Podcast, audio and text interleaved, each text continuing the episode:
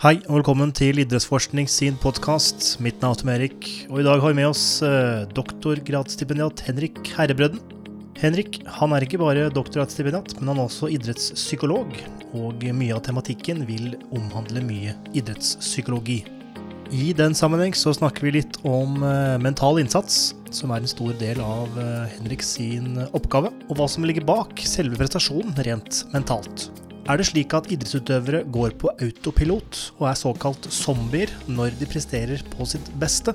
Eller er det mer som kan forklare selve prestasjonen rent mentalt?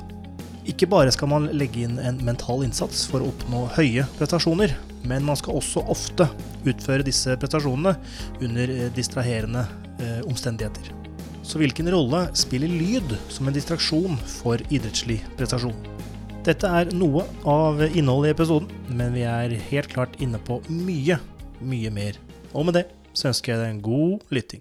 Henrik Herrebrøden, velkommen skal du være til vår podkast. Alt bra med deg? Tusen hjertelig takk for det. Ja, her er alt uh, bra. Det håper jeg gjelder dere òg.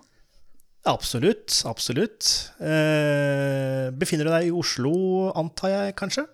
Jeg sitter i Oslo, på nydelige Gaustad, der hvor Psykologisk institutt og mitt forskningssenter holder til. ja, ja, ja. Ikke sant. Midt, midt, kanskje ikke midt i gryta, men for oss som kommer ikke kjenner Oslo som sin bakhånd, kanskje Oslo er Oslo, og gryta er uansett gryta, så det er jo ja, en betraktning litt sånn utenifra. Men som du sier, du jo, sitter ved Psykologisk institutt ved Universitetet i Oslo. Du er doktorgradsstipendiat og idrettspsykolog. Eh, men vi ønsker selvfølgelig å bli litt mer kjent med deg som gjest. Så hvis du kan si litt om deg selv i form av utdanning, jobb og forskning? Gjerne. Kan du liksom ta det helt fra børjan, da. Jeg har jo først og fremst bare vært kjempeglad i idrett hele livet. Begynte med fotball da jeg var fem. Hadde egentlig lyst til å begynne da jeg var tre. Mamma syntes jeg var for ung, så jeg måtte vente til jeg var fem. Og holdt på med det veldig aktivt. Begynte med tennis parallelt. Og så vikla jeg meg inn i diverse sporter. Jeg holdt på med mye forskjellig. Jeg har bl.a. drevet med biljard på aktivt nivå. Så hver gang det er sånn der, si en fun fact på jobben, så sier jeg tre ganger norgesmester for junior i biljard. Ja. Eh, da tror mange jeg kødder, men det er sant. Og så avslutta jeg holdt på å si, min idrettskarriere. Det jeg har gjort mest sånn på høyere nivå, er volleyball. Som jeg har spilt i eliteserie her i Norge. Jeg har spilt litt sånn i utlandet på college-nivå i Canada. Men uh, midt oppi den viraken her, så var jeg vel sånn 12-13 år når mamma ga meg en bok som uh, handla om mentaltrening som het eh, 'Det sitter mellom ørene' av Egil Søby, en tidligere olympisk eh, mester i padling. Som uh, bare var helt sånn mind-blowing. Altså det derre konseptet om at jeg kunne liksom være med å påvirke hvordan jeg tenkte, og til en viss grad hvordan jeg føler meg, og hvordan jeg kan prestere bedre bare ved å tenke noe annerledes, det var helt sånn Oi, for en lavthengende frukt. Altså all sånn trening, fysisk trening og sånn, det er jo slitsomt. Så det var egentlig det som fikk meg liksom inn på sporet av idrettspsykologi når jeg ser tilbake, da. For da ble jeg, ble jeg veldig interessert. Og um, gikk på idrettslinja og tok et år på idrettshøyskolen. Og tok årsstudie i idrettsvitenskap der. Det har gitt meg en veldig sånn bred, fin base. Det kan vi sikkert komme tilbake til òg, som jeg vil se på som veldig veldig viktig, selv om jeg ikke er en typisk idrettsvitenskapelig fyr uh, av bakgrunn. Men uh, fant ut at liksom psykologien i det her var veldig, veldig spennende. Så, så ville jeg gå bredt der òg, og vite mest mulig om psykologi, ikke bare inn mot idrett og valgte derfor profesjonsstudiet i psykologi, som liksom er min mest sånn formelle trening og bakgrunn. Da. Så jeg er jo psykolog, men jeg kaller meg idrettspsykolog for det meste. For jeg jobber jo sjelden med de som ligger i fosterstilling og ikke kommer seg ut uh, eh, pga. angst. Uh, ikke med de syke så mye som jeg jobber med de friske, og kanskje også noen av verdens friskeste, på den måten at jeg jobber med utøvere på veldig, veldig høyt nivå. Og så er det jo eh, en forskningshistorie oppi det her òg, som vi sikkert kan komme tilbake til, ettersom jeg ble veldig bitt av forskningsbasillen underveis i studiet. Ja, ikke sant. Ikke sant. Det er veldig bred og fin uh, bakgrunn. Matthew, du har et spørsmål? Yeah, you, you've got a book about mental training. I'm wondering if you got that book before or after you got the nickname Kebab Kongen. What? oh, her er vi godt forberedt uh, i studio, skjønner jeg. Ja, Da må vi ta den nå, da. Uh, I just was looking at the Billiard Forbund, and uh, it's the first thing I saw. Å, herlighet. Det, eh, jeg var og holdt et foredrag for litt siden da noen kalte meg kebabkongen. Og det var til stille at noen som hadde lett opp det der, da. Nei, eh, jeg drev med fotball egentlig, da. Var ganske aktiv og, og fit. Uh, helt til jeg var sånn 12-13-14, og da, da, fikk jeg helt knekken. Uh, fotball det ble så annerledes. Vi begynte å spille med de som er ett år eldre i seriesystemet. Og, og, da kan vi begynne å snakke om både relativ alderseffekt og, og kronologisk versus biologisk alder. For jeg er født 29.12. og sent utvikla. Ah. Så jeg var så liten, følte meg så dårlig, og så var det så mye fysisk trening plutselig. Vi brukte liksom vintrene på løping uten ball. Så jeg fikk helt knekk på alt som var sånn fysisk trening. Jeg trente ikke noe fysisk omtrent, og begynte parallelt med biljard. For jeg måtte bare ha meg noe annet. Jeg orka ikke noe sånn fysisk idrett. Mm. Jeg husker de kompisene på ungdomsskolen begynte å kalle, kalle meg livsnyteren. Jeg la an en litt annen kroppsfasong med den livsstilen, og ble veldig glad i kebab. Så ja. der kom uh, kebabkongen inn som enda et kallenavn. Veldig sånn flatterende kallenavn på den tida der. Så um, det var en periode av livet hvor eh, kebab og biljard sto i sentrum. Ja. That ja, sounds det... like the life for me.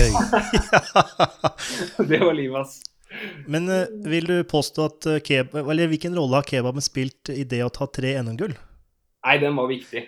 Det, ja, ikke sant? Var, uh, det var en base med belønning, ikke minst. Altså gleda meg til det når turneringa var over og kunne gå og ta seg det. Og ga litt næringspåfyll som holdt lenge, da. Det er jo et fysisk krav i biljard òg, må holde ut lenge. Og må du lagre opp med litt fett, da, vet du. Ja, ikke sant. Ikke sant. ja, interessant fun fact. Det god, god research, Matthew. That's right. Yeah. um, ja, du kaller deg selv for idrettspsykolog, uh, men har en større bakgrunn i generell psykologi. Er det uh, Altså, stemmer det? Det er riktig. Det er jo, jeg har jo jobba litt klinisk også, og da var det jo noen som kom og var litt sånn forvirra og lurte på om jeg først og fremst var idrettspsykolog og dernest psykolog. Fordi de hadde ja. googla og liksom sett at han her er jo farlig involvert i mye idrett, og han skal jo hjelpe meg med ting som handler om livet mitt. Så det er jo egentlig motsatt. Jeg er jo først og fremst psykolog, jeg. Jeg er jo øh, sertifisert psykolog, og i Norge er det fryktelig strengt. Norge er jo sammen med de andre skandinaviske eller nordiske landene litt unike i verden ved at du for å i det hele tatt kalle deg psykolog må ha sertifisering. Mens okay. i utlandet kan du ha en mastergrad øh, eller ph.d. eller noe sånt. da. Og, så jeg er først og fremst psykolog. Eh, med den gamle scientist practitioner-modellen, nemlig at vi skal gå ut av det studiet klare til å praktisere helsehjelp, men også være forskere som kan gå videre i et uh, doktorgradsløp. Og Det er det sistnevnte jeg gjør nå. Ja, ikke sant et spørsmål, eller eh, det er en ting jeg alltid har lurt på, som jeg aldri har Jeg har egentlig ikke giddet å finne ut av det sjøl, men når jeg har en psykolog her Psykolog versus psykiater, hvis det, brukes, det ordet brukes, hva er forskjellen på det? Etter min forståelse er en psykiater en lege som har ah. en spesialisering inn mot uh, det psykologiske og psykisk helse, for ikke å si uhelse. og det har jo på fleip blitt kalt en psykolog som kan skrive ut medisiner. Okay. Det er jo ofte litt overlapp. Nå jobber jo både psykologer og psykiatere veldig forskjellig, men ofte kan en sånn terapitime kanskje se litt lik ut. Men uh, som sagt, da, en uh, psykiater kan skrive ut medisiner. Det var det jo en diskusjon på også, om ikke psykologer skulle begynne å få lov til det. Det er jo en egen debatt i seg sjøl. Personlig syns jeg det var greit å slippe det det der og heller fokusere på terapi. Men det er jo en egen diskusjon. Men eh, jeg vet ikke om det var et svar, jeg. Jo, jo, absolutt. Jeg, jeg, det Same in England, Tom Eric. Okay. like a psychologist or a psychiatrist. I guess a psychiatrist is a doctor who's then specialised in aspects of psychology, just as Henrik was saying. So a bit like how Henrik started psychology first and then sport, but it's just doc- doctor first, psychology After. after. Mm. Eh, det å på en måte ha eh, Gå fra det å være psykolog til idrettspsykolog, eh, eller fra biolog til idrettsbiolog, eller eh, fysiker til eh, å bruke fysikk inn i idrett eh, Jeg vil jo påstå at det potensielt gir deg et annet aspekt på det feltet du går inn i. Jeg vet ikke, Har du noen kommentarer på det, Henrik? Det gir meg større bredde, og jeg er veldig glad for at eh, jeg har den bredden. Nå er det jo mange mentaltrenere, coacher og andre som er helt fantastiske. Som også har en bredde, og som også prøver å se hele mennesket. Men det jeg merka, i hvert fall i starten, da når jeg begynte med sånn, å sette meg inn i ren mentaltrening, så merka jeg at hvis du får inn en utøver, da Klassikeren er jo ja, jeg er kjempegod på trening, og så sliter jeg med å prestere under press. Mm. Av en eller annen merkelig grunn, når den store dagen er her, så føler jeg meg ikke som meg sjøl. Jeg er ikke til å kjenne igjen. Jeg er fryktelig nervøs, sliter med å prestere og gjøre det jeg har trent på. Så, så er det jo ut fra ren sånn mentaltrening veldig fristende å sette i gang intervensjoner veldig fort. Sånn eksempelvis ja, kjøre på med noe visualisering. da. Begynne å visualisere at du presterer bra i konkurranse og sånn. Og, og for all del, sånt kan ha noe for seg, men eh, jeg følte vel at med min trening, da, og særlig den praksisen som psykolog, så, så er jeg trent opp til å kartlegge veldig bredt. Mm. Jeg tror det kan bli for mye av det gode der òg. Mange føler seg litt sånn overkartlagt i møte med spesielt psykologer på sånn systemnivå offentlig og sånn. Men den treninga med å kartlegge bredt, prøve å se hele mennesket, betrakte biopsykososiale faktorer, ikke bare gå rett på løsning, da. Den eh, føler jeg at jeg har fra studietida.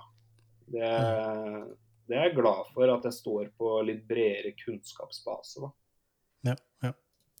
Matthew?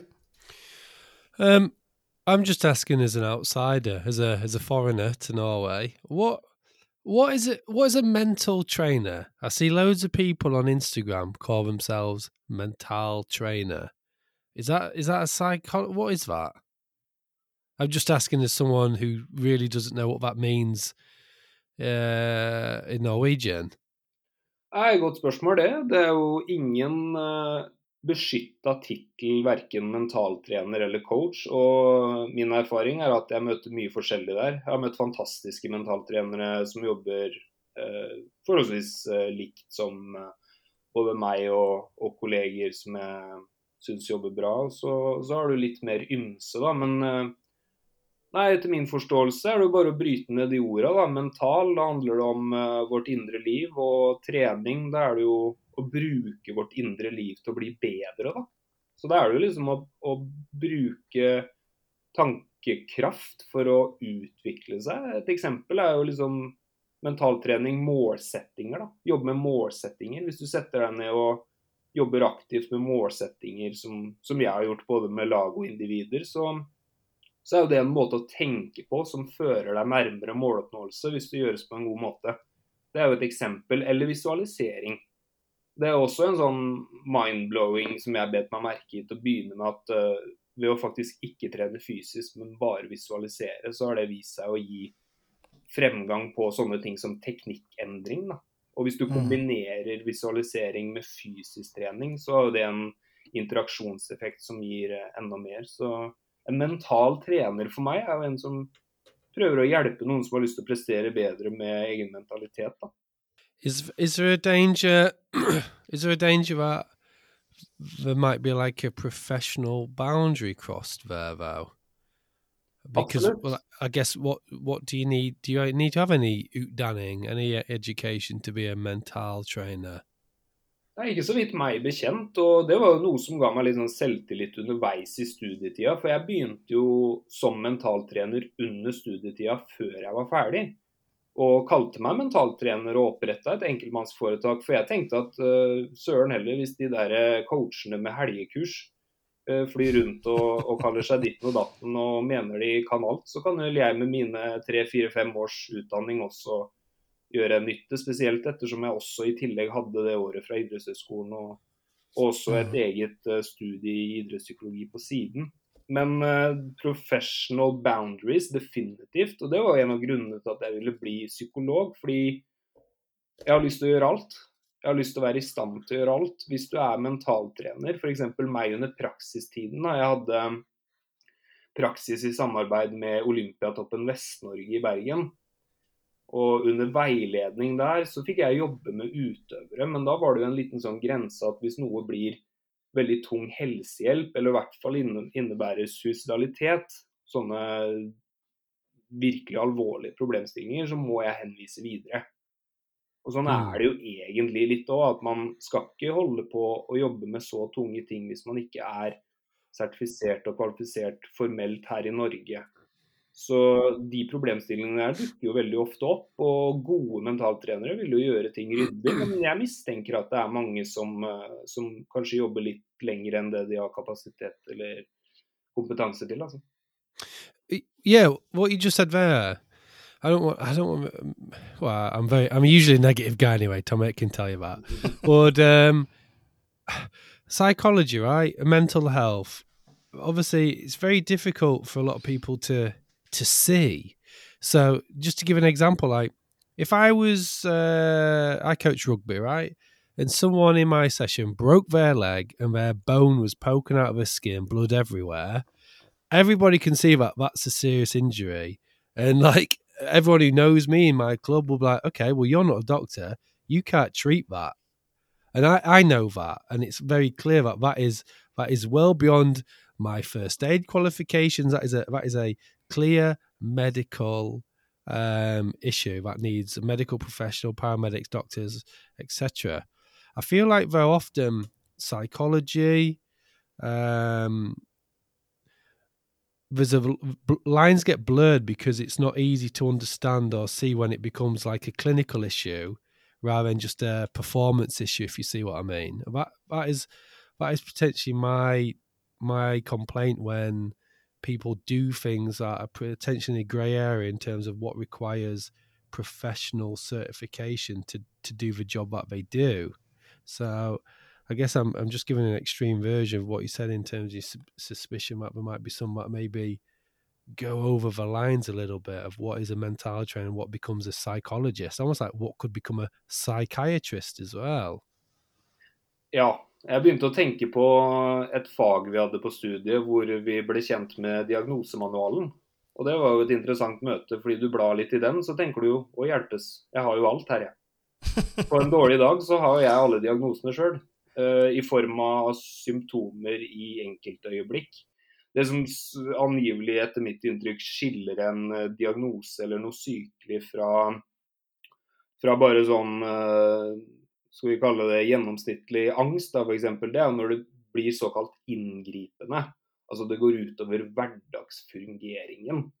Det ville jeg brukt som en sånn liten pekepinn hvis jeg var en rugbytrener eller mentaltrener. At når noe blir inngripende på tvers av situasjoner, og det er en person som sliter på et menneskelig plan, så ville jeg hatt betenkeligheter med å kjøre på med mine intervensjoner.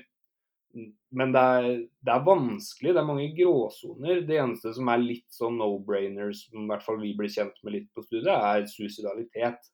Er liksom, da er du så utvilsomt over i et um, uhelseaspekt at uh, å begynne med suicidale mennesker uh, som en ufaglært, det skal man være veldig veldig forsiktig med å helst ikke gjøre da. Så, uh, men jeg, jeg, føler deg på den, altså. Det er ikke like lett som et beinbrudd. Det er det ikke. Noen diagnoser er enklere enn andre i psykologi, men det er mange gråsoner.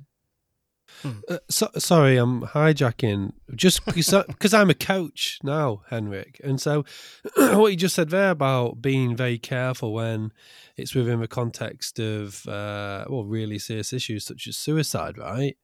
What what do you mean by be careful? So, say for example, me as a sports coach, and we've got plenty of them listening to this. What what do you mean, like practically, in terms of being careful? What what would I need to do if uh, one of my athletes uh, players starts talking about that kind of thing? What what what do you say? Nei, Det er et kjempecase og interessant spørsmål. og Det er jo ikke noe fasitsvar på det. Den retningslinjen vi ble kjent med på studiet, er at det er et menneske man må prøve å få til noe mer akutt profesjonell hjelp så fort som mulig og så godt som mulig. Så det kommer jo helt an på kontekst og situasjon. I visse kontekster så kan det jo rett og slett handle om å få vedkommende på legevakta. Men poenget mitt her var i hvert fall at eh, da, når det er gitt uttrykk for, så er det et menneske som har gitt klart uttrykk for et rop om hjelp. Og da skal det per definisjon i Norge i hvert fall være helsehjelp som skal inn. Og det var et skille jeg ble kjent med. Helsehjelp eller prestasjonshjelp. Så um, da skal man prøve å få det mennesket til å få helsehjelp. Så vet jo vi at mennesker som sliter, kan være vriompeiser som er vanskelig å, å, få dit. Det er ikke alle som vil ha hjelp, men uh, da må man se an situasjonen og prøve å gjøre så godt man kan. Sorry, I know, I know we, we're changing direction here. Sorry, Tom Eric. Tom Eric. Tom Eric hates it when I do this because I just start going everywhere. But you just keep saying loads of things. That now, as someone who's involved in idret in the field in in Norway, if that makes sense, as a sports coach, I wonder where I often think now, like when someone might be saying stuff where they're maybe just having a, a rough week, you know, mm. Kids that stress them out, job or whatever, or, you know, studies and job and things maybe on top of them. I often think, okay, when does that become just, uh, okay, they're just a bit tired, life's getting a bit hard, but it's, it's, it's just a phase or whatever. I wonder when that becomes like, okay, this is a, these are red flags, if you see what I mean. And I guess that's probably what a lot of coaches and, and top eDrets coaches probably experience. Like, when does, I know you've not going to have an answer this, I'm just kind of thinking out loud. I guess it's really difficult when you've not got that psychology background to know when, whoa, okay, this is all of a sudden get it. Like, if I think physical symptoms, someone being dehydrated and just being tired after a session, you know when that's like related to oh they've just worked hard when you, there's suddenly very clear signs when someone's like really struggling with exhaustion where medical help's required. I can't, I struggle to see the same thing or the same progression on a psychological perspective as a coach. Or potentially I would. Ja, Det er vanskelig, da. Og du har jo motsatt også Robbie Williams, som tok livet av seg sjøl eh, en gang i tiden. Og, og folk var jo frampå og kommenterte ganske nylig før det at uh, han går rundt og alltid er blid. Og um, det man kan se etter, er hvis en person endrer seg. Det er jo litt sånn generell uh, både hos yngre og eldre. Hos eldre så kan jo personlighetsforandring være en tidlig markør på demens. Uh, på yngre så kan, hvis, hvis man merker en endring, så kan det i hvert fall være en anledning til å spørre. Det lærte vi på studiet, at den frykten for å spørre hvordan har du det, hvordan går det egentlig, den er ofte ubegrunna. Noen ganger kan man jo til og med være irrasjonell og tenke hva hvis jeg spør om den personen sliter skikkelig, eller til og med har tenkt på å ta livet sitt, får de mer lyst til å ta livet sitt da? Det har vi i hvert fall blitt opptrent til ikke er tilfellet. Det er ikke farlig å spørre. Du kommer nok ikke til å skape noe problem som ikke er der. Du kommer heller til å belyse, kanskje få fram i lyset noe som, noe som er der. da. Så um, det her går jo på medmenneskelighet og være oppmerksom på hverandre, egentlig. Is that stuff you've learned in the psychology education of yours or in the idrett psychology uh, education? Det her blir uh, profesjonsutdanninga mer som klinisk psykolog, det jeg refererer til nå. Ok.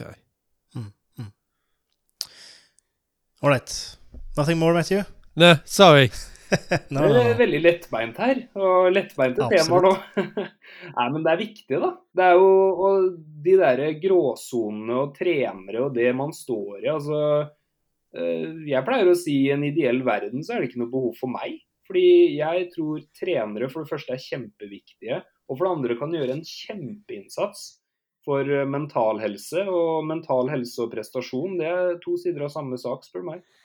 Yeah, just the reason I brought it all up is like I think it's very easy to see the difference between giving someone a pack of ice when they've tripped up or hurt their ankle Mm. compared to like trying to perform surgery on an open wound. Everybody knows there's a difference there. Mm. I, I just was reflecting on my own position. I don't know where where I stop as a coach and where a a, uh, a medical clinical psychology professional comes in, but that's that's definitely made me reflect on a lot of things, and hopefully for the listeners as well. Ja, det kan være verdt å reflektere over, absolutt. Eh, ingen fasitsvar, men eh, fint å være bevisst på um, Men også huske at eh, man, man kan bidra selv også. Man skal ikke bare sende videre, sende videre. Men i noen tilfeller kan det være lurt. Mm, mm. For det er jo utvilsomt at begrepet mental trening har blitt mer og mer populært de siste ja, la oss si ti åra. Eh, både som et tabloid begrep brukt i medier, men også innenfor sosiale medier der folk kaller seg, som heter jo sier mentaltrener, mental coach osv. Mm. Eh, også når jeg da er på eh, ulike bokhandler og kikker på de bøkene de har der, så ser jeg ofte sånne type selvhjelpsbøker innenfor mental trening, la oss kalle det det. Mm. Det å bli råtøff eller eh, sterk i hodet eller et eller annet sånt ting. Og så er det da enkelte av disse bøkene, når man begynner å lese i de, så er det, det er ingen faglig substans. Det er bare anekdoter fra et personlig liv. Mm. Og da begynner jeg å tenke er ikke dette et slags slag i trynet på de som har en profesjonsutdanning som deg sjøl? Eller, eller hva tenker du om dette her? Jo, jo, det er hårreisende. Nei da. Det eh, det er jo selvfølgelig litt provoserende, det er- men det selger jo som bare rakkeren, det, da. Sånn er det jo. Ja, Sånn det er er det jo i det fysiske òg. Gud hjelpe så mange som har eh, fasiten på hvordan man skal trene styrke, og sånn blir du svær, og sånn blir du tynn, og det er jo ikke måte på. Men eh, det er jo et rødt flagg, da, det du nevner der. Jeg har jo sånne røde flagg å se etter når jeg anbefaler litteratur. Se etter de som har kildehenvisninger, som refererer til noe substans. Og så er det jo litt sånn, hvis du går utrolig bredt ut, slik blir du tøff. Ja. Ja. Hva har du egentlig å fare med da? Har du knekt koden på hvordan alle skal være tøffe? Så et bedre tegn er jo ofte hvis boka er litt sånn spesifikk.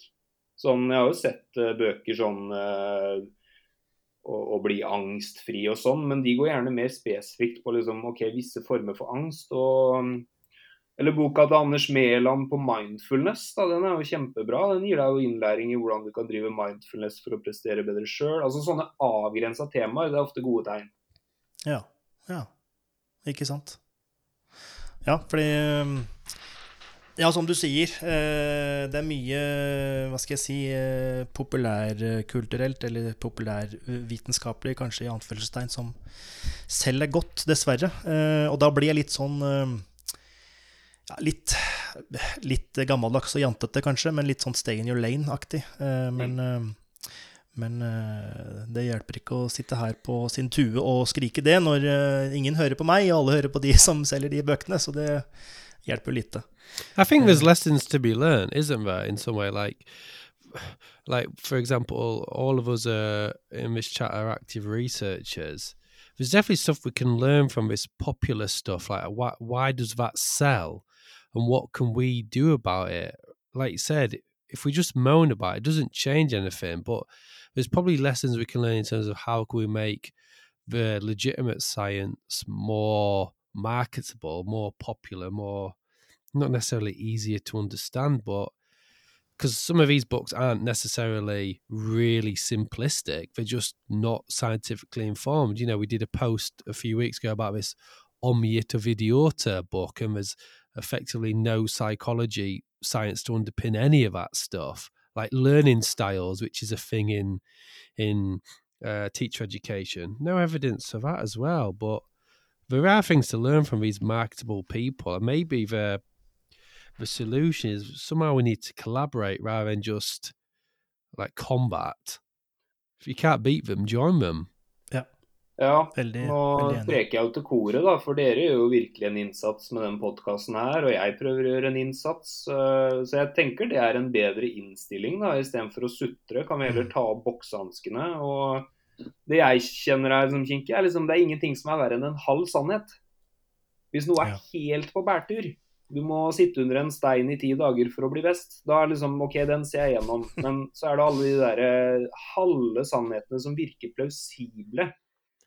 Det, det er litt sånn eh, sånn som eh, Jeg hadde gleden av å møte Anders Eriksson, han eh, forskeren bak Deliberate Practice i Florida før han døde for noen år siden nå.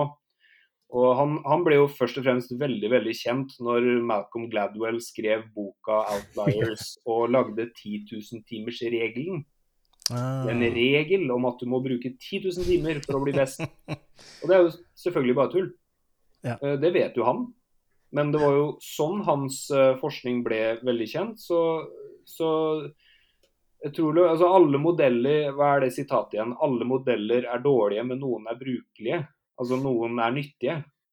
Så hvis vi kan prøve å liksom forenkle ting, lage modeller, men være åpen for at det kan revideres og drive oss framover, så tror jeg vi har eh, noe å fare med. da.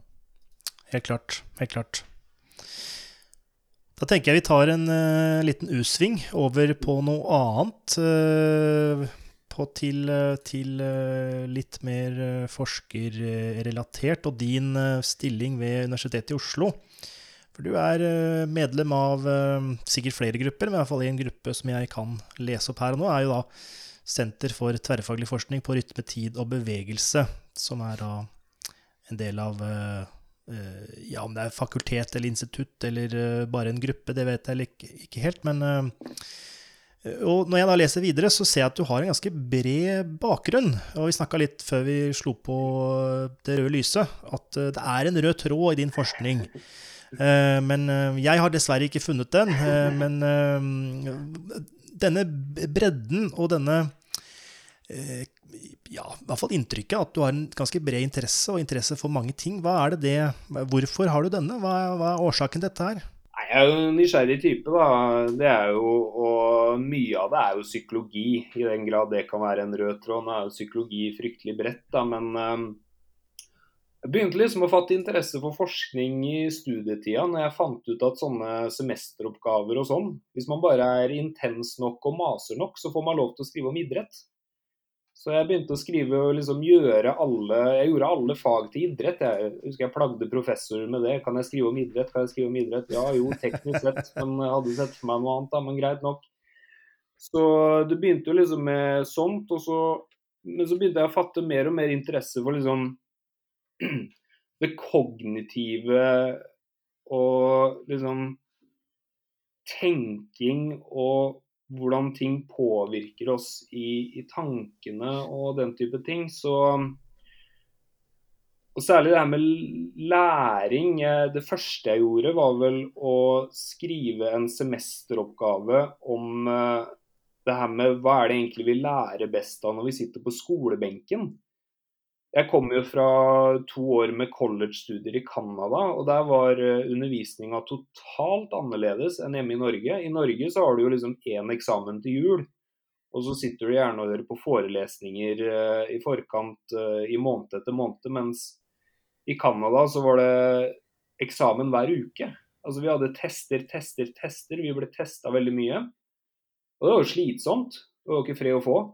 Men eh, det var også sånn at jeg satt igjen til slutt og tenkte at oi, shit, jeg, jeg husker jo mer. Jeg lærte mer. Jeg var mer aktiv jevnt.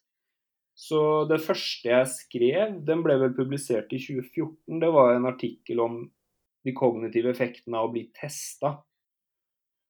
Og hvordan det påvirka læringsutbyttet i skolesammenheng. Og så har det blitt vridd litt mer over på idrett, som vi sikkert kan komme tilbake til. Men eh, jeg tror det kognitive i psykologi, altså sånne, de, mange av de hjernefunksjonene som gjør oss mennesker litt unike, da, som ikke alle dyr får til like bra, sånne ting som språk, tenking, hukommelse. Det går igjen også nå når jeg forsker på toppidrettsutøvere. Hva er det egentlig som foregår i topplokket på de beste? Men Så har jeg også vært uh, veldig sånn på tilbudssida og vært vitenskapelig assistent og bidratt inn mot andre prosjekter òg, så da blir det jo litt sånn rotete og grøtete. Men eh, det meste handler om eh, kognisjon og tankevirksomhet, og spesielt nå i nyere tid inn mot prestasjon. Ja, ikke sant. Eh, Litt interessant denne publiseringen fra 2014 om tester og testtilbakemeldinger. Mm. Kan det du fant ut der, det du skrev om der, overføres til uh, idrettspsykologi i form av Kan man teste utøvere innenfor en idrettspsykologisk test? Usikker på hva det skulle bli, men til å bli bedre? Det har jo vist seg veldig lite effektivt å teste ute av kontekst. Og liksom eh, teste f.eks. arbeidsminnet, da, hvor mange tall klarer du å huske i korttidsminnet ditt, eller, um, eller det å liksom drive kognitiv trening ut av kontekst. Det finnes jo mange apper, og det finnes mye som er lagd. Og det er utvikla sånne testbatterier for å teste kognisjon. Og noen mener jo at toppidrettsutøvere scorer bedre på det, mens andre studier viser mindre klare funn. Da, og, altså, den beste testen for en idrettsutøver er kamp- eller konkurransesituasjon. Så det, det, er der jeg lander i, i det spørsmålet akkurat nå. Ja, ja, ja. It's probably more relevant, Tom Eric, to we have loads of listeners who are teachers in some way, Cropsov and Lara. It's probably extremely relevant for them to know about this in terms of things like uh, well, anatomy and physiology, which we know is always a weakness of a lot of students, these kind of more hardcore scientific elements. And yeah, they just forget everything. Um, and that's obviously one of the reasons why they're not assessed on it anywhere near enough. Going back to the method Henrik was talking about in the paper, when I was doing research methods as a student, we had something called phase tests. We had research methods tests every month. It was like a multiple choice test on types of data. I guarantee you remember stuff after that, doing that mm-hmm. uh, every month. And I remember another physiology module, we had an assignment every month. Every month, test feedback. So uh, it's consistent with a broader literature on um, in educational psychology of like te- regular testing is effective for learning. Hmm. Ja, og så er det verdt å merke seg at hvis uh, vi mennesker bare blir overlatt til å gjøre det vi helst har lyst til, så gjør vi ofte ganske ineffektive ting. Eh, forskning viser jo at eh, studenter som får helt fritt spillerom, liksom velg din foretrukne læringsmetode, så er det ofte repetert lesing, altså god gammel pugging. Mm. Og Det gir ofte ganske god effekt på kort sikt, men dårligere på, på lengre sikt. Motsatt av testingeffekten. Og Det er jo litt relevant for doktorgraden min nå hvor jeg forsker mer på kognisjon hos toppidrettsutøvere. Fordi mm, det, det, er jo mange myter om det, og en av dem er jo at du, du, du kan klare deg helt uten å tenke. Skal, alt skal gå på automatikk. Og vi mennesker er jo ikke sånn i utgangspunktet veldig glad i å tenke og bruke hodet med såkalt mental innsats. Det finnes jo f.eks. studier hvor de har tatt folk inn i laben og gitt dem en kognitiv oppgave, sånn krevende huskeoppgave. Og så etter en stund så får de valget mellom å få smerte, påført smerte, eller ta en ny runde med hukommelsestest. Da er det mange som velger smerte, altså. Å? Ja, ja. Der, stikk hånda ned i isvann eller få brennende smerte på hånda. Ikke noe farlig, men sånn såkalt laboratoriesmerte. da, Effektive ting som gir smerte ganske umiddelbart. Så det der med å bruke hodet aktivt, og sånn som du må gjøre f.eks. Mm. på en test, da, en skoleprøve versus bare sitte og lese, det, det er ikke noe vi er sånn veldig glad i. Det er såkalt adversivt. Det er noe vi ikke nødvendigvis liker. Og det er jo det Eriksson fant i de studiene på de beste musikerne og andre eksperter også, at de var villige til å gjøre en del ting som ikke var gøy. Mm. Så Det er jo også forska på hva vi mennesker liker, og vi er veldig glad i ting som er lett, og vi er glad i ting som flyter. Så det å, å, å se en uh, enkel serie er jo perfekt, for da får du flytende stimuli hele tida hvor du ikke må tenke så mye. Det å lese repetert, eller, eller hvis du f.eks. gir en idrettsutøver da, muligheten å gå ut og øve på hva du vil, så vil de fleste øve på noe de er ganske gode på. Mens de som blir best, er jo ofte de som faktisk eh, Altså fotballspilleren som faktisk går ut og øver med sitt dårlige bein, da, når det er det han har sagt han skal gjøre. Han har som målsetting å bli bedre med venstrefoten, og det krever faktisk en mental innsats. Og det er noe vi ikke er sånn glad i i utgangspunktet. Mm, mm. Men, men, eh, det ene er jo at testing Er det sånn at testing fører til et bedre resultat uh, på samme tidspunkt? Uh, la oss si at semesteret er fra august til desember. En gruppe har bare undervisning, eller begge grupper har undervisning, men den ene gruppa får mye testing hver uke eller hver måned, og så har alle en eksamen til slutt. Er det sånn at den som får regelmessig testing, får et bedre resultat? Det er nå én ting, men hva med denne retention period, altså det perioden etterpå. Hvor godt husker de den kunnskapen her? For det er jo kanskje, i hvert fall i utdanningssammenheng, eh, enda viktigere at, eh, at når andre året kommer, tredje året kommer, så skal vi helst bygge på det vi har lært. Og da er det viktig at vi husker det vi har lært. Så eh, er det å huske det vi har lært, bedre med regelmessig testing, eller er det bare at det fører til et bedre resultat på eksamen der og da? Nei, Så vidt meg bekjent, så er det alle sammen. Det er ja, eh, en effekt eh, på, på, slutteksamen. Og der lurte man jo på kan en forklaringsmekanisme være at eh, du blir trent i å bli testa. Altså blir du god på å tenke på en måte du gjør når du blir testa. Og det er nok én av de. Men det de har sett, er at de har testa folk over mye lengre tid. De har, de har latt det gå måneder. Jeg husker ikke nå i farta, jeg lurer på om det er opp mot et halvt år etter forrige liksom bekjentskap med stoffet, hvor de har eh, sett en bedre læringseffekt av tester versus repetert lesing. Og så er det det mest spennende av alt, syns jeg, og det er overføring av læring. Det har vist seg å være effektivt for det vi egentlig er mest interessert i, nemlig at studenten kan ta kunnskapen og overføre den til en ny kontekst, bruke den på en ny måte, sette sammen med andre ting. Så eh, det er mulig jeg glorifiserer eh, Og det kan ha kommet studier i senere år, det begynner å bli noen år siden det her var mitt hovedfelt, men det jeg har sett, tilsier at det er, eh, det er veldig mange gunstige effekter.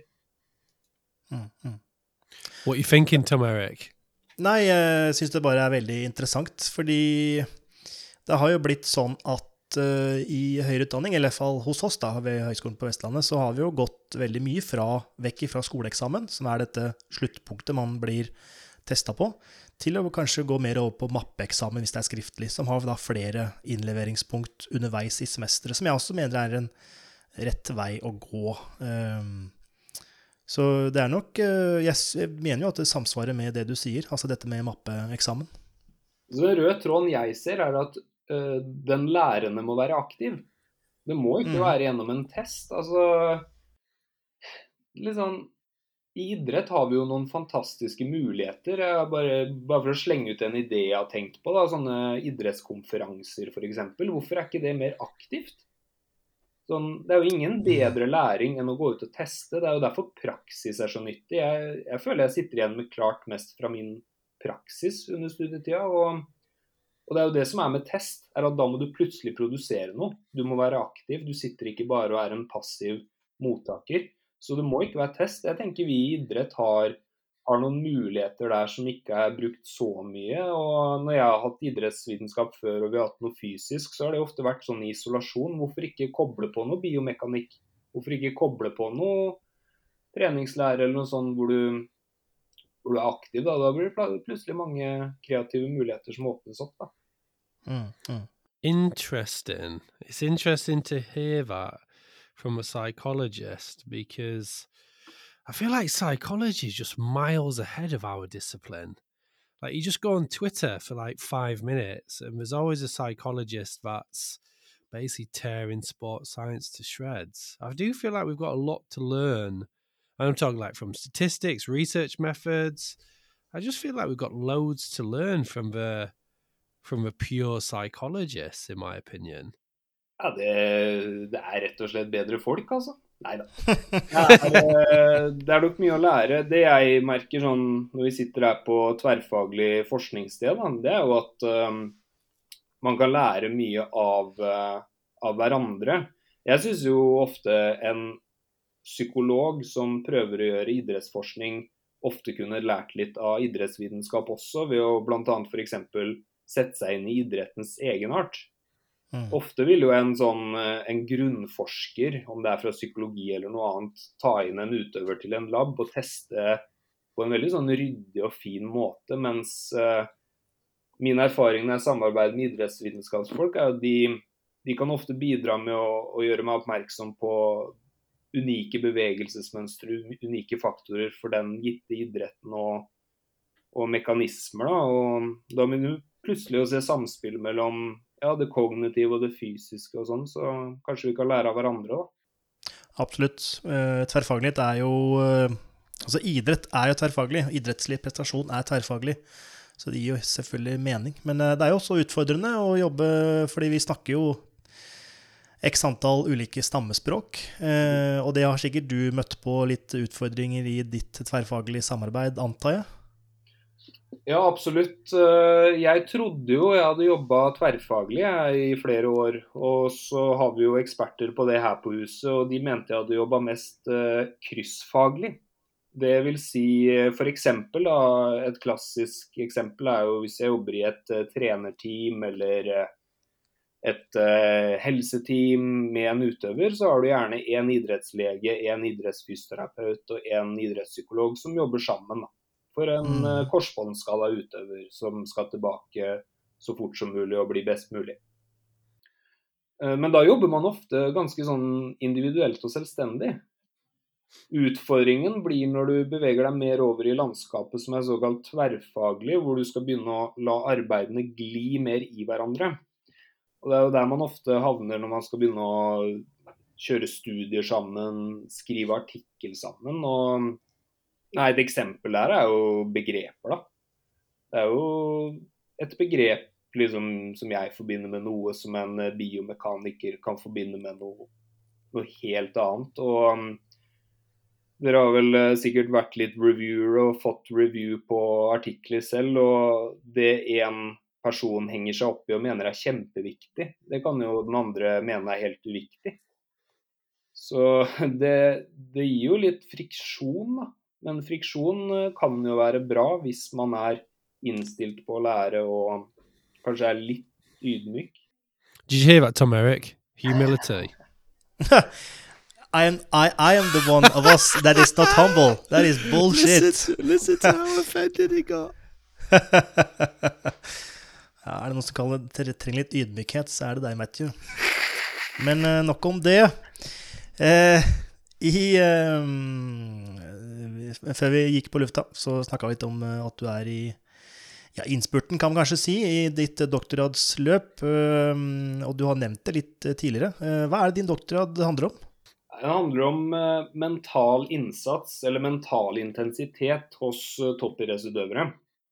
Altså hvor mye intensiv oppmerksomhet er det man bruker. Og det er jo her den zombie-hypotesen eh, som Breivik kalte det på idrettshøyskolen en gang i tida så sterkt. Nemlig den, det synet på toppidrettsutøvere om at du øver, øver, øver, tenker, tenker, og så blir du god. Og så skal alt skje på automatikk. Det er den jeg tester. Jeg tester er det virkelig tilfellet. Og det gjør jeg på roere, hvor jeg inviterer roere på elitenivå og roere på litt lavere nivå til å kjøre tester hvor vi måler eh, litt ulike mål på mental innsats eh, fysiologisk. Hvor vi ser på mm, ja, hjerterate for å ha det fysiske, men også pupill. Vi ser på pupillstørrelse, som er et mål på mental innsats.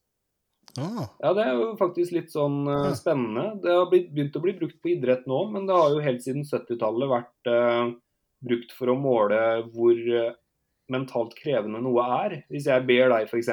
huske en rekke med tall, så vil pupillen din antageligvis bli litt større for hvert tall du må huske. Oh. Og Det har eh, i nyere tid blitt brukt på idrett, men som med veldig mye annen forskning, så er det stort sett golfputting det går i. Det er jo et åpenbart praktisk element.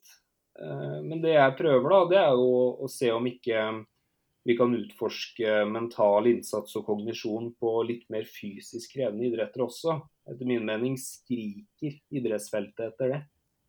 Mm. Så, så det går litt på Jeg holdt på å si mixed methods, men det er i hvert fall multimethod av det jeg driver med. Jeg prøver å se på fysiologiske markører på, på mental innsats. Og, og, så spør jeg de liksom hvordan de opplevde det. Jeg gir de spørreskjemaer og, og litt sånne ting også, da.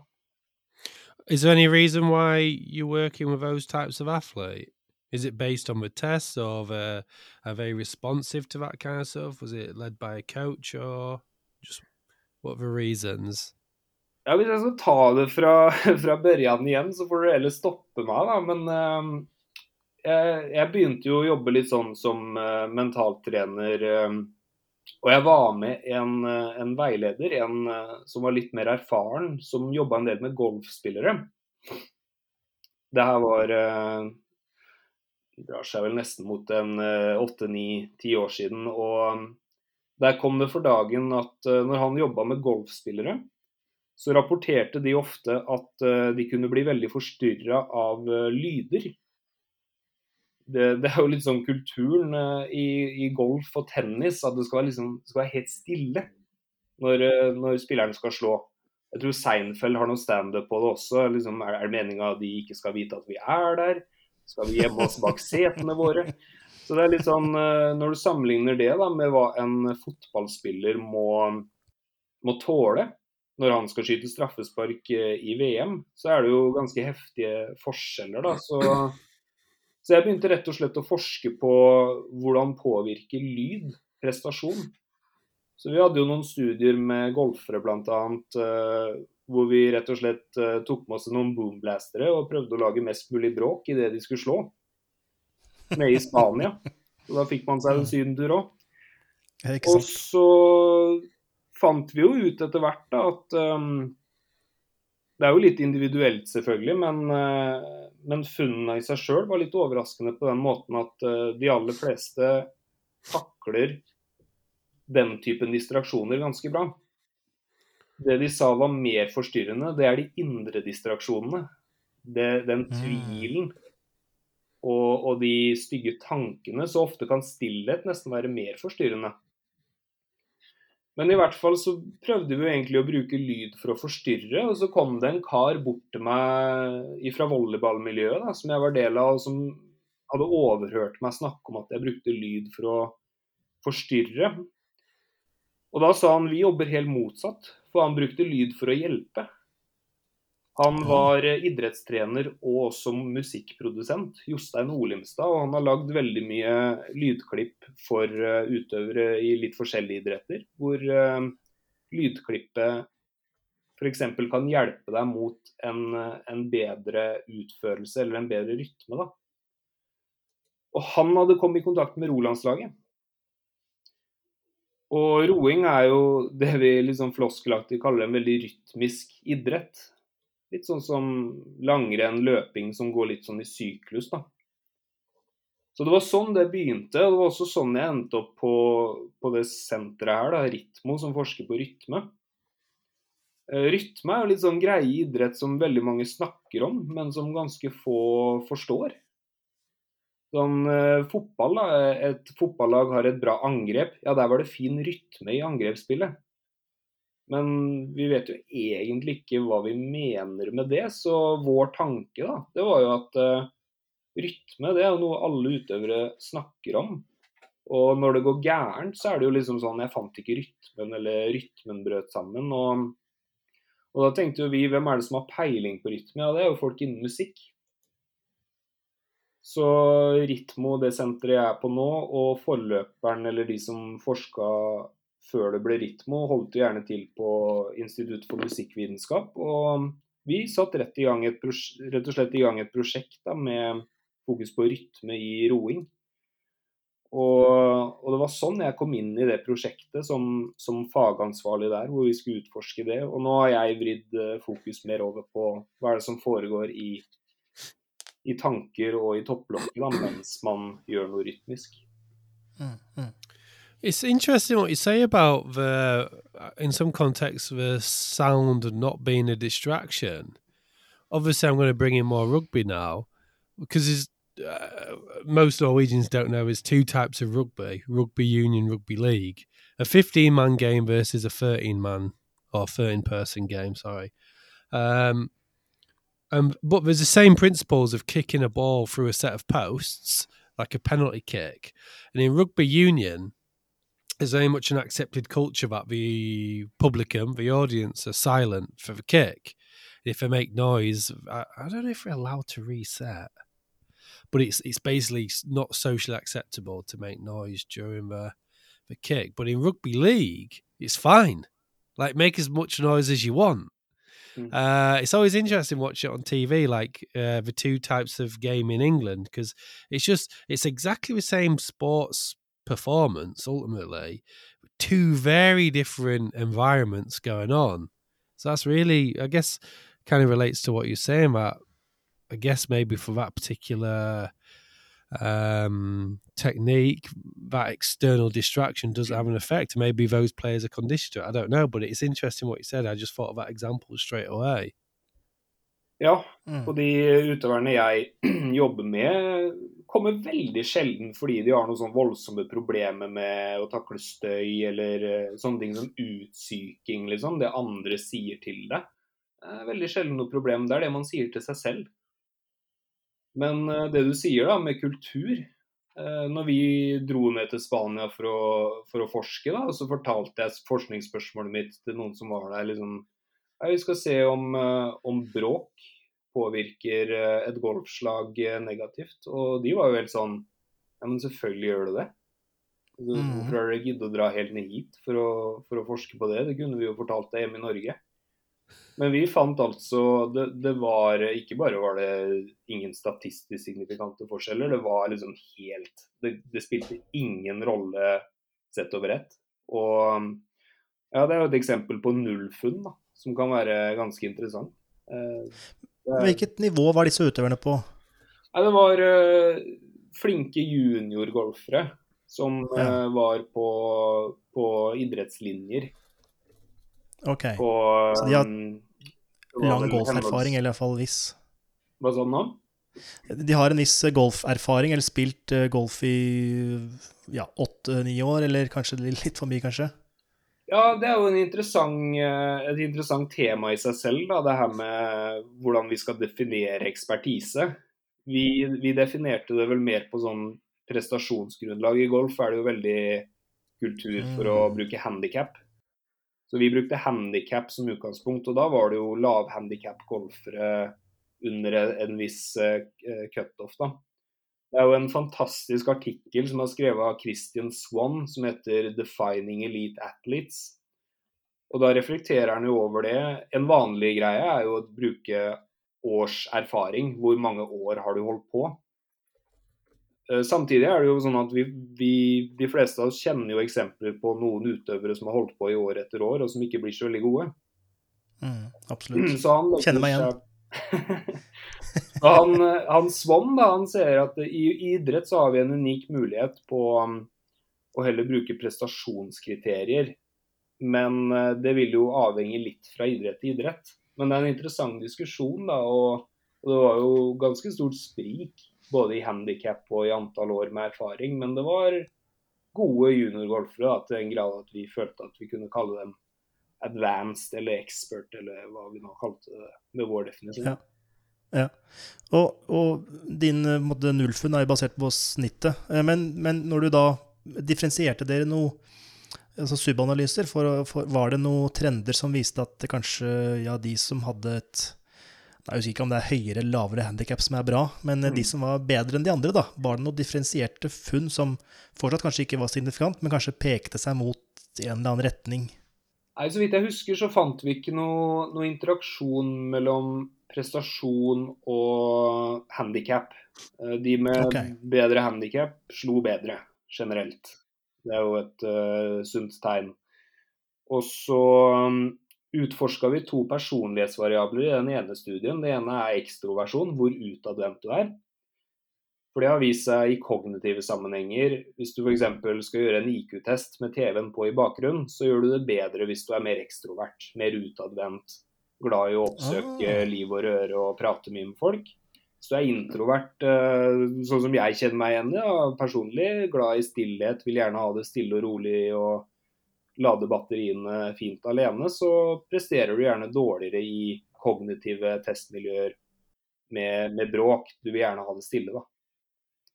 Den testa vi. Vi fant ingenting på det opp mot prestasjon. Vi fant vel at de som var mer introverte, ga en subjektiv rating på at de syntes eh, bråk var litt mer forstyrrende. Og så så vi på mental tøffhet. Om jeg ikke husker helt feil, så brukte vi en idrettsversjon, men det bygger litt sånn på noe som heter hardiness, som oppsto på 70-tallet med de tre c-er. Som eh, en forsker som het Kobasa begynte å se på. Hun, eh, hun forska på ledere i bedrifter i USA i tøffe tider, og så at eh, det ble takla veldig forskjellig. Det stresset som det medførte. Det var eh, noen som takla det helt greit. Som presterte litt dårligere under press, ble stressa, men, men de kom seg gjennom. Noen kom seg dessverre ikke gjennom. De ble utbrente. Og så så hun at det var noen som takla press veldig bra. Som eh, faktisk til og med kunne prestere bedre. Og hun så at de hadde noen fellestrekk. Og det var de tre c-er. For det første challenge. De møtte utfordring på en eh, litt sånn offensiv måte, snarere enn å se det på en trussel. Se på det som en trussel. Og så var det control, som var eh, en litt sånn indre lokus av kontroll der du tar ansvar. Og også tar ansvar for det du kan gjøre noe med. Og så var det det som har vist seg da, å være den fremste faktoren, kanskje en av de største prediktorene på, på suksess, det er commitment. Evnen til å ikke gi opp og, og stå i ting eh, når det blir vanskelig. Så det vi så, var vel også at de som skårte høyere på mental tøffhet, var eh, også litt mer positivt innstilt til bråket. Da. De syntes det var mindre forstyrrende. Men, men igjen, da. Ingen effekt på prestasjon. Ja, for det er, syns jeg er veldig, veldig interessant. Eh, For jeg så Det er et par måneder siden nå, men jeg så dokumentaren om Tiger Woods. Det er sikkert flere dokumentarer om han, men det som heter Tiger, eh, som er på HBO eller noe. Og der sto jo faren ofte bak Tiger Woods idet han skulle putte eller eh, drive, med mynter i lomma. Og ja, eh, idet han skulle slå, så rista han på lomma si slik at myntene lagde lyd. Og ble, da ble ofte Tiger ganske forbanna når han gjorde det, men han skjønte at eh, dette var god læring i forhold til å takle eh, lyder under da eh, ja, offisielle turneringer og den slags, at det, det hjalp. Så spørsmålet mitt er vel Ok, det var ikke noe sammenheng mellom eh, distraksjon og prestasjon, men er det kanskje fordi treninga til disse golfutøverne har øvd på dette her? Ja, Det er et godt eh, poeng. Vi skulle vel en gang i tiden begynne å utforske det litt mer. Er sånn, er det sånn at du har øvd med, med bråk? Og det er jo nettopp den Tiger-historien der da, som inspirerte forskninga til en viss grad også. Ja. Og Vi vurderte jo sågar å sette i gang en sånn intervensjonsstudie på kan vi hjelpe disse utøverne til å bli bedre. Men så fant vi jo liksom da ingen effekt. da. Så det er liksom Skal vi sette i gang intervensjon på noe som, det ikke er behov for eh, tilsynelatende? Men eh, det, er jo, det er jo et kjempepoeng, det. da. De er jo Bare det å spille golf er jo litt trening i det. Eh, Det som er kinkig, da, det er jo at eh, der golferne sier det er forstyrrende, det er jo ofte på veldig viktige hull under press. Og her har du jo en liten utfordring i idrettsforskning som, som det kanskje er relevant å også høre hva dere tenker om. Da, fordi eh, det er jo veldig lite av forskninga vi gjør som skjer under press. Vi, eh, her på forskningssenteret da, så forsker de jo mye på um, musikk. Og de har begynt å ha noe de kaller for Music Lab, hvor de har eh, konserter med musikere som kommer og spiller en ekte konsert foran folk mens de blir forska på. Tenker dere om det? Fordi hvor, hvor, liksom, hvor, overførbart er det egentlig det vi finner ut i en stille og rolig lab? Og så vet vi at uh, når det gjelder som mest under press, så, så er de antageligvis litt shaky, da. Ja, ikke sant. Uh, ja, det er helt enig at det, det blir jo um, Du mangler den måte, økologien i testinga. Uh, Is it an ethics thing? Uh, is it? I don't know. Jo, men det I tror know jeg, that- være, tror jeg kan være et relevant poeng. I, I know that, for example, some ethics committees, I know back home, I've had to, for like a survey on podcast listening, I've had to make sure that it doesn't cause psychological distress. So there's maybe that. Like, I guess where do you draw the line in terms of trying to create a stressful situation and causing psychological harm, if you see what I mean? That's maybe why. I don't know. Ja. Og så er det jo vanskelig å van Vanskelig å eh, Hva skal jeg si eh, Lage en pressende situasjon som er lik i konkurransen. Da må man helst teste i konkurranse, og det er jo Mm. veldig eh, ofte blir sagt, sagt nei til. I hvert fall, det, jeg tror ikke du får lov til å stå på PGA-turneringen med boomblaster bak uh, disse eh, golferne. Eh, men det hadde jo vært eh, det beste, eh, selvfølgelig. Men det er det som er svakheten med litt av forskninga, at vi kan kanskje ikke teste de når det faktisk gjelder, hvis det er veldig invasive, da. Så det er jo selvfølgelig en svakhet. Ja, det er akkurat det. Vi gjorde jo prøvde jo litt da på den, de golfstudiene. Vi arrangerte jo turneringer. Vi presenterte det som turneringer der de hadde konkurranser også i grupper, da, hvor de skulle prøve å slå best mulig. Og vi hadde premier og sånn. Det som er litt kinkig med psykologi og press, er at eh, bad is stronger than good. Eh, hvis du legger på en belønning, så gir ikke det så mye press. Mens hvis du har muligheten til å drite deg ut foran andre, så gir det veldig mye mer press. Ja, Men eh, som du sier, da, det må helst skje i den autentiske konteksten. Så det aller, aller beste ville være å forske på folk i konkurranse. Men der kommer jo det etiske inn, for det vil jo i mange tilfeller potensielt ødelegge prestasjonen. Mm. Hmm. I guess it depends what you measure, really, doesn't it? Because obviously, like, say, from a physiological perspective, collecting data in competition over time through GPS measures. Um, I just guess it depends what you're going to measure psychologically. It's very hard to do something that's not like, for example, GPS. You just wear a vest. Players forget about it. Mm. I don't know how you would. I don't know what you would collect in a psychology context that wouldn't be a uh, an interference to the natural performance of the athlete. Maybe guess at only heart rate variables, maybe. Ja, det her er jo et tema jeg har reflektert mye over i forbindelse med min eh, doktorgrad. For det er jo veldig vanskelig å forske på kognisjon underveis. Men desto viktigere.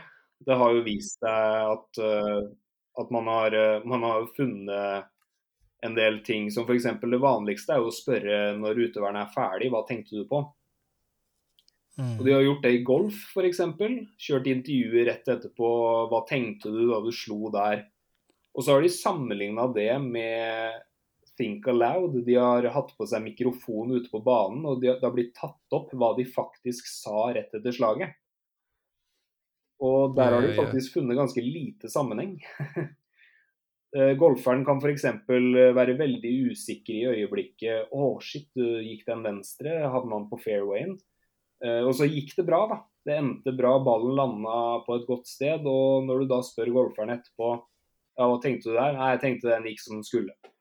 Og hvis dere ser på True Crime på Netflix, så ser dere jo hvor eh, feilbare vår hukommelse er. da. Vi, vi glatter jo over veldig mye i hukommelsen, og vi lager vår egen spinn og sånne ting. Så hjerteratvariabilitet, da, som du nevner, Matthew, det er jo en av de tinga jeg vurderte.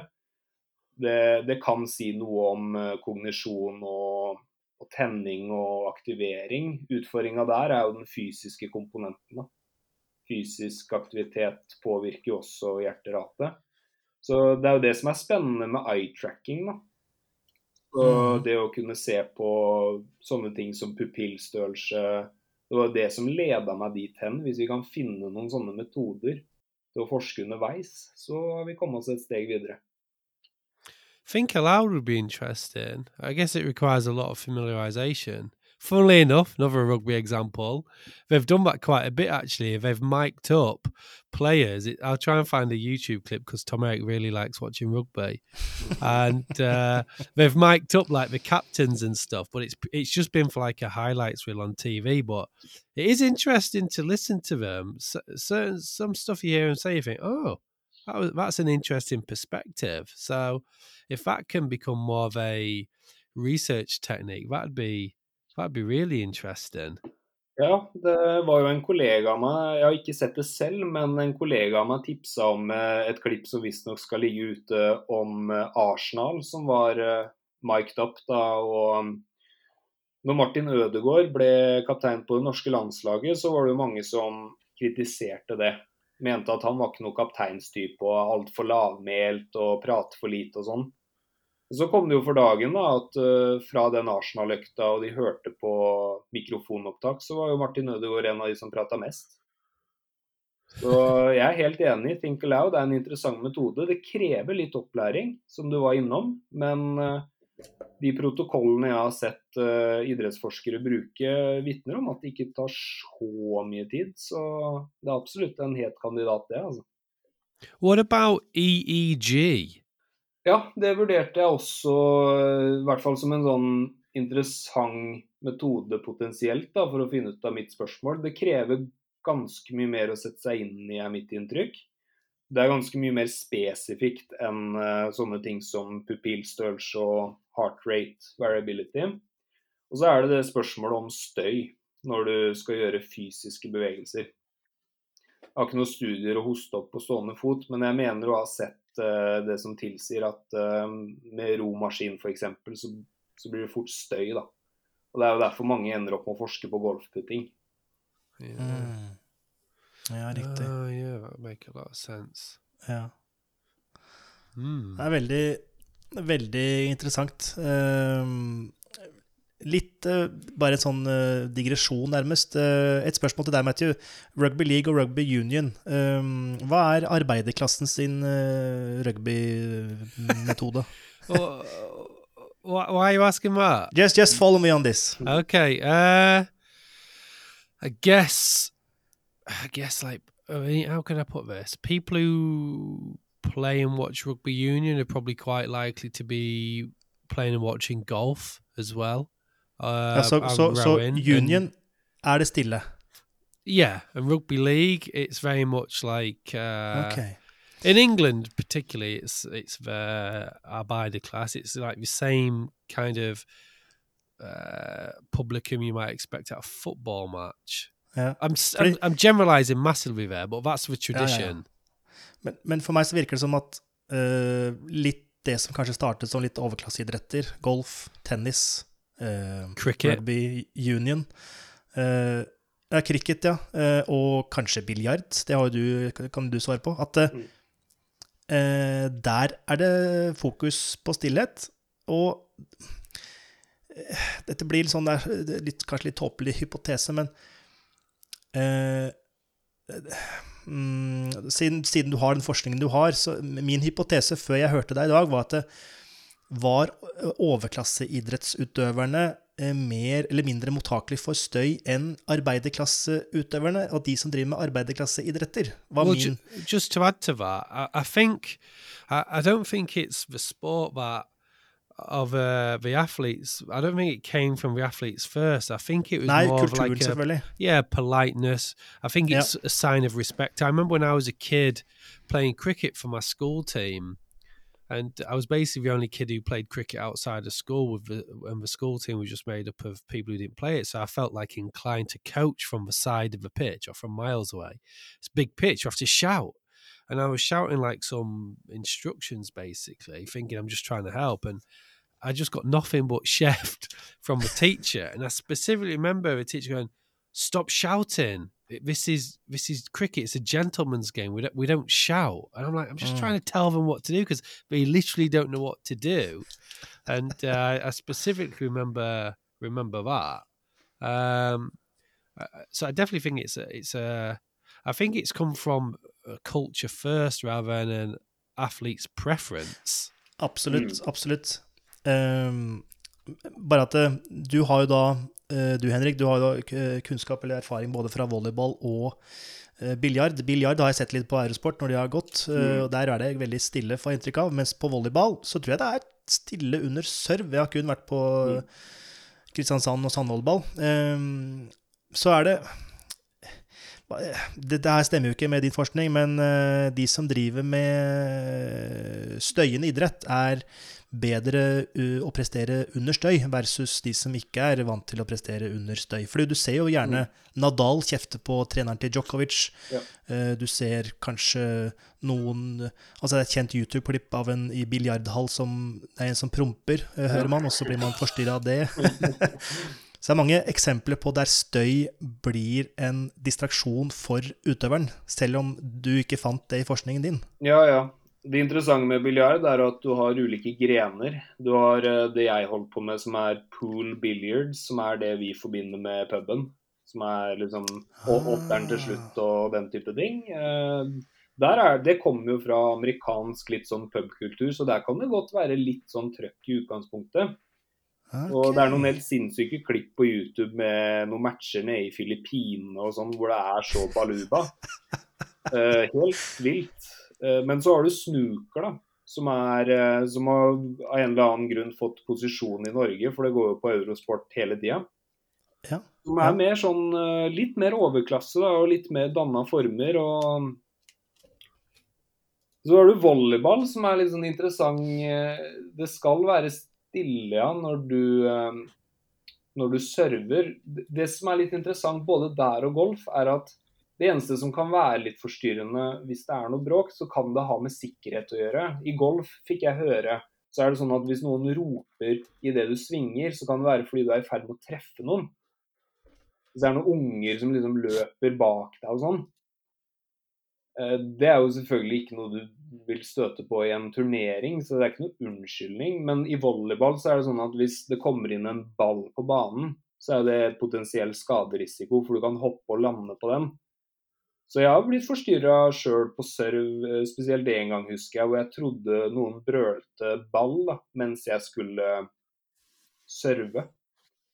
Så du har sånne unike ting ved hver idrett som det går an å tappe inn i hvis du skal prøve å psyke ut noen eller sånn. Da. Det vi gjorde i studien med Golf Vi, det var at vi tok med oss de boomblasterne, og så visste de jo at det kom noe bråk.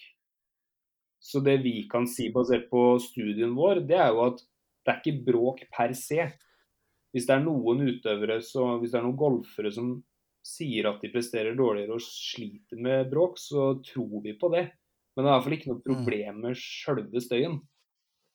Og det, det er det jo noen golfere som i seg sjøl syns er nyttig. da. Kanskje det kan hjelpe de litt til å takle det bedre, for alt jeg vet.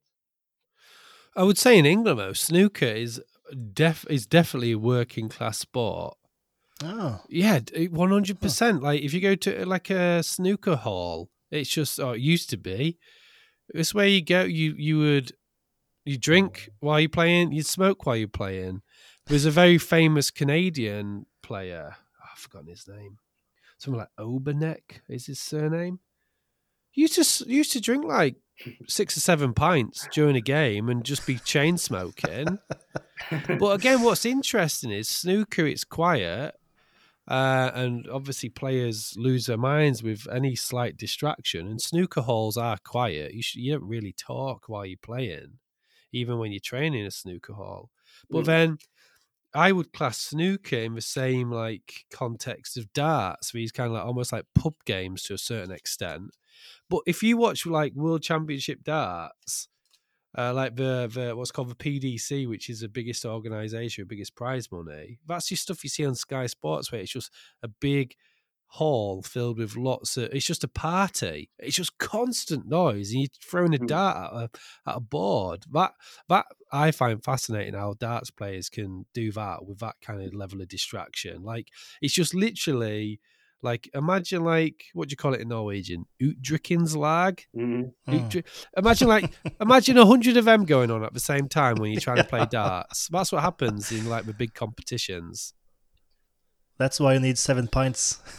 Yeah, we used to be able to drink during that game as well, but like Yeah. what I'm trying to say is I definitely think cr- aud- crowd noise is more reflective of the historical traditions Mm. of the sport rather than whether it's uh, having an effect on the athlete's performance. Like, you just look at NBA. If you go on YouTube, there's great highlight reels of the opposing audience trying to distract the the free throwers. Like, you know, when you watch basketball on TV, you watch a free thrower for, like from the side, don't you? But there's there's videos online where you um they've shown it from the other view where you'll watch it from like the free throws view so the audience behind the basket and we have those like big black and white spinning circles and like all sorts of stuff going Mm. on i always use it as a video f- when i'm talking about hicks law and, and stimuli and distraction Det er jo eget forskningsfelt. Det, der, det er jo lag som har bestemt seg for å liksom se hvordan kan vi bruke publikum. Det, det er noe eget. og Jeg tror den kulturelle biten du er inne på der er veldig viktig, Matthew, som gjør at det golfere sa da, når det kommer bråk, så er det bare det er irriterende. Fordi det tyder på at noen ikke respekterer. Og det skjer jo liksom i en kontekst. da, Det, det er liksom meninga det skal være stille. Og så er det også veldig interessant da, det der med en jevn, jevnt bråk, det er ikke så stort problem. Det forskninga viser, i hvert fall, er at det er sånne abrupte lyder som er mer eh, forstyrrende. og jeg tenker meg om, så er det veldig få idrettsutøvere jeg jobber med også, som har noe sånn veldig problem med store folkemengder. Store, store sånne publikumsmengder. Til og med hatt eh, topputøvere som sier det kan være mer press å prestere i NM enn EM. Fordi NM er liksom mindre, og du kjenner gjerne de publikummerne som er der òg. Liksom, mens eh, sånn som eh, eh, sandvolleyballgutta, da, som vant OL nå i fjor, de sier jo at liksom sånn store folkemengder, det blir som en vegg. Det blir liksom bare en vegg som du, som du har i bakgrunnen. Så det blir ikke noe personlig ved det. so it sounds like when it's a noise that's not expected or not part of that normal environment rather than noise in general Mm. Mm. okay Ja, det er mer overraskelsen enn Ja, det vil kanskje være altså Hvis distraksjonen er en overraskelse, enten det er i form av lyd eller visuelt eller noe annet, så er det kanskje eh, negativt. Hvis det er kontinuerlig støy eller bevegelse bak eh, Bak eh, Jeg husker ikke helt hva det heter på norsk eh, basketball. Eh, basketballkurven heter det kanskje. Mm. Så er det mye enklere å forholde seg til det. Og det gjelder jo det indre også. Det er jo det jeg først og fremst hjelper utøvere med. Hvordan kan du håndtere den der eh, styggen på ryggen, da. De der tankene som dukker opp. Liksom, nå bommer jeg. Hvis du ikke har noe trening, ingen strategi på hvordan du skal håndtere det, da, da blir det tøft. Fordi det er jo mange som tror det der med liksom tenke positivt, eh, topputøvere, det, det handler om å, å ha de rette tankene. Men det gjør faktisk ikke det, altså. Det um, veldig interessant eksempel med Roger Federer, som eh, lå under hadde tre matchballer imot i en turnering. Ble han spurt da, liksom rett etterpå hva tenkte du da? Jeg tenkte nå kommer jeg til å tape. Men eh, som han sa, altså, man kan jo ikke bare stoppe opp, så, så jeg bestemte meg for å la den tanken være, og, og så la jeg en plan. Og så prøvde jeg å, å fokusere på den. Altså De andre tankene gikk jo ikke vekk. Men eh, det som på fagspråket kalles detached mindfulness, da, frakobla oppmerksomhet, det å kunne ha flere tanker i hodet samtidig og ikke gjøre de store, stygge tankene verre enn de er, det, det er en ferdighet som, som du nesten må ha hvis du skal vinne. Altså. Mm. Men er det da denne dyrkingen av styggen på ryggen som gjør at folk ofte ikke presterer under press? Jeg er frista til å si ja. Det, Ja. Der de fleste medaljer ryker, er jo når eh, tanker på feil ting blir eh, veldig altoppslukende, og, og så gir man, gir man litt opp i øyeblikket. Man forsvinner fra nuet. Så det vanligste jeg hører, er jo f.eks. at um, du står der på siste stående da, i skiskyting, så begynner du å tenke på resultatet. Og så begynner du å skjelve. Og så begynner du å merke at du skjelver. Og så er spiralen i gang. Så det å, å komme forberedt med å ha arbeidsoppgaver men også det å vite da, hvordan du skal håndtere sånne tanker, det å ha en, eh, en strategi, det, mm. det, er ofte det som gjelder under press. Det var et eksempel jeg kom på nå fra håndball. Husker jeg ikke helt utøveren, men han har lagt opp for lenge siden. Uh, Christian En veldig sånn type kjekkas-fyr. Husker du? Kjelling? Kjelling, ja. Mm. ja, Christian Kjelling heter han kanskje. ja. Han hadde vel et kryss, eh, kryss på hånda si som han kikka på for å nullstille seg selv hvis han gjorde noe dårlig. Mm. Og er det en, en, strategi for å motvirke disse negative tankene, eller denne eh, ja, fokuset i, fra, på det negative? Absolutt. Og det er jo det som er uh, greia, at uh, det kan være hva som helst. Det kan være et kryss. Jeg har hatt utøvere som har skrevet en bokstav som uh, står for noe som er deres arbeidsoppgave. Som de kan kikke ned på. Det kan være en stein i skoen. Et eller annet som tar deg her og nå. Det som er fristende under press, det er å, å flykte. Og begynne å tenke veldig mye på, på, noe annet. Det kan gå begge veier, det. Det er jo mange utøvere som stiller opp, og så, så har de kanskje noen dårlige minner av uff, det gikk dårlig sist, og nei, jeg har sovet dårlig, og befinner seg i fortid, da. Men det aller, aller vanligste i selve øyeblikket er jo å, å flykte til resultat, og, og, også andre, da. Hva kommer andre til å si? Hva kommer andre til å si hvis jeg hvis jeg feiler. Vi er jo veldig sosiale dyr, vi mennesker, så det er jo det som gir mest press etter det jeg har sett. Det er den der sosiale evalueringsbiten. Så hvilken som helst strategi, da, arbeidsoppgave som kan ta deg til her og nå, om det er et kryss i hånda eller noe annet, det, det er det som skal til, eh, som jeg ser best effekt av. Mm, mm.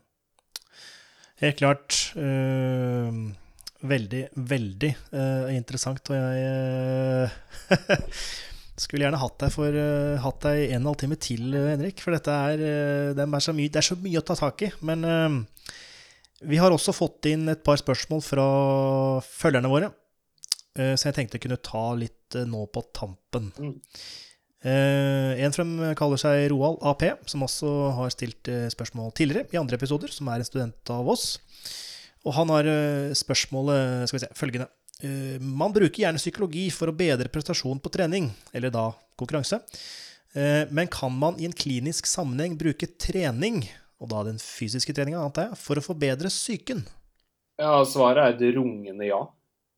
ja. Det er en av veldig få ting som er helt sånn no-brainer. At fysisk aktivitet, det er positivt for psykisk helse. Det er eh, veldig mange grunner til det. det. det. er utrolig mange mekanismer. Det er jo bare det faktum at eh, altså hjernen vår, da, det er jo det er jo et organ med, med blodomløp. Og sånn som bare det å forebygge demens, da. Bare det å holde blodomløpet i gang. Forebygge så alvorlige psykiske utfordringer. Så har det jo ofte blitt brukt som en sånn eh, Ikke placebo, men, men som en eh, alternativ behandling i studier. Og det har ofte vist seg at eh, fysisk aktivitet kan jo fungere vel så bra som medisinering. Så det, det er et rungende ja. Det er veldig mye positivt ved det. Og, men når da mm, du som psykolog, andre psykologer får inn eh, Du jobber jo stort sett med idrettsutøvere, mens andre da jobber med mer kanskje suicidale mennesker, eller eh, lettere eh, versjoner mm. av dette her. Hvor ofte bruker de trening i sitt arbeid med en utøver, det er jo helt åpenbart, men med mennesker som ikke er utøvere, som, som kommer til en psykolog og trenger, et, trenger, hjelp av en eller annen sort. Hvor ofte, hvor ofte bruker man trening? Nei, Det er et kjempespørsmål. Det har jeg ikke noe tall eller studier på. Det høres jo nesten ut som en interessant kartleggingsstudie å prøve å spørre psykologer hvor ofte anbefaler du fysisk trening. Det kan ikke jeg huske å ha lært noe om på studiet, hvordan man skal inkorporere det. Min kliniske erfaring er at eh, de som klarer det, har en fordel. Hvis du klarer å komme deg ut og være litt aktiv, så er det veldig gunstig for prognosen. Men uh, det kan nok bli voldsomt å gå rett løs på sånn veldig trening. I første gang handler det kanskje bare mer om å komme seg ut og være litt aktiv og begynne i det små. Men uh, jeg vet ikke hvor ofte man gjør det, men man burde gjøre det mye. og Vi snakka om psykiater i stad, og det går litt fort over på medisinering av og til, syns jeg. At uh, vi kanskje skulle prøvd litt uh, andre metoder først, eller i hvert fall parallelt. da. Mm. Ja, fordi uh, For en tid tilbake, ganske lenge siden egentlig, så hadde vi en gjest som heter Therese Mathisen, som forsker en del på spiseforstyrrelse og de, ja, mennesker med spiseforstyrrelse. Mm. Og de blir ofte sendt til ja, bl.a. psykolog for kognitiv terapi, ble det vel kalt, som er den mest tradisjonelle uh, metoden man bruker for å jobbe med folk med spiseforstyrrelser. Mm. Uh, mens hun tenkte da at ja, men hva med trening, styrketrening f.eks., kan ikke det være med på å fungere og få et bevisst forhold til i hvert fall kalorier ut, som trening er, og i forhold til kalorier inn, hvis man skal se det veldig enkelt. da. Mm. Og hennes forskning viser jo at, eh, at trening kan, er ikke noe bedre enn kognitiv terapi, men det er ikke noe dårligere. Det er, et, eh, det er, et, verktøy som du fortsatt kan bruke på lik linje som kognitiv terapi. Så det, basert på den forskningen, og selvfølgelig hvis man skal dra det litt langt, så virker det jo kanskje om at trening kan brukes av psykologer i visse sammenhenger, og at det kan muligens være fornuftig.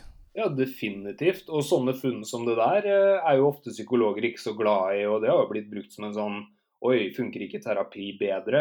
Når du liksom sammenligner terapi, fysisk trening, og så blir det kanskje likt, da. Men det mm. tror jeg er bare fordi fysisk trening er veldig bra. Og det der er jo et kjempeeksempel på potensiell verdi av tverrfaglighet hvis vi kunne blitt mer tverrfaglige når vi møter f.eks. spesielt de vanskelige casene. Det er jo noen caser som er veldig tøffe. Et eksempel er eh, tilbakevendende depresjon. Hvis du har mer enn én depressiv episode, og da gjerne flere og flere, så begynner prognosen å bli ganske stygg. Og at eh, du mest sannsynlig vil ha tilbakevendende depresjon videre også. Du har begynt å komme noen metoder som er effektive, litt mindfulness-basert og sånne ting som kan funke bedre enn kognitiv terapi. Men jeg tenker hva hvis vi kunne fått inn mer fysisk trening? Ja, det hadde vært uh, utrolig spennende å se om det fungerer. Det hadde vært ja, spennende å lese om. Mm. Jeg ser tida går, Henrik. Eh, og eh, vi har prata om mye, eh, og veldig mye interessant. Og dette er jo et felt altså Psykologifeltet er jo ikke noe jeg er sånn superkjent med, og heller ikke lest så supermye forskning rundt det, i hvert fall hvis man skal sammenligne med fysiologi. Mm. Så dette har vært en veldig interessant prat. Så jeg er, jeg, er, jeg er, strålende fornøyd. Men har vi snakket om det du forventet å snakke om i dag? Hadde ikke helt venta meg de kebabkallenavna og så mye fokus på biljard. Men uh, sånn bortsett fra det og, og litt mye rugbyperioder på Matthew der og sånn, så tror jeg vi egentlig har uh, eh, dekka over uh, veldig mye i litt sånne rare rekkefølger av og til. Men uh, ja. jeg syns det har vært veldig nyttig for meg. Man lærer jo, apropos testing, da, man lærer jo mye av å snakke om eget arbeid. og jeg vil jo bare benytte anledninga til å si at jeg syns dere gjør en veldig god og viktig jobb med formidling. Jo, takk for det. Og det syns jeg du også gjorde nå i dag. Det er veldig konkret og enkelt å følge med på. Så det er veldig bra. Eh, Rent uh, sosialt, digitalt, hvis folk har lyst til å følge din virksomhet videre, uh, og da etter hvert uh, få sjansen til å lese din doktorgrad, kanskje følge med på disputasen hvis den streames live og litt sånne ting, hvor er du å finne rent digitalt? Jeg er å finne i de fleste kanaler. Det krever jo dessverre at du må skrive inn navnet mitt i Google. da. Henrik Herrebrøden. Hvis du klarer å stave det riktig, så fortjener du å få opp noen treff. Da er det Facebook, hvor jeg stort sett oppdaterer på norsk. Prøver å skrive lettbeint om eh, forskningsfunn og holde en så liten følgerskare oppdatert på hvor jeg er å finne og muligheter for å bli kjent med mitt arbeid. Og så er det LinkedIn og Twitter som jeg bruker litt mer sånn på engelsk. Så um, jeg heter bare navnet mitt i alle kanaler, så um, Og alle er selvfølgelig mer enn velkomne til å ta kontakt også hvis de har spørsmål om, om noe som helst. Det er bare gøy. Mm, mm. Veldig bra. Da vil jeg takke for en uh, god prat, uh, Henrik. Dette her uh, tror jeg vi må gjøre en gang til. Veldig gjerne. Tusen takk skal du ha.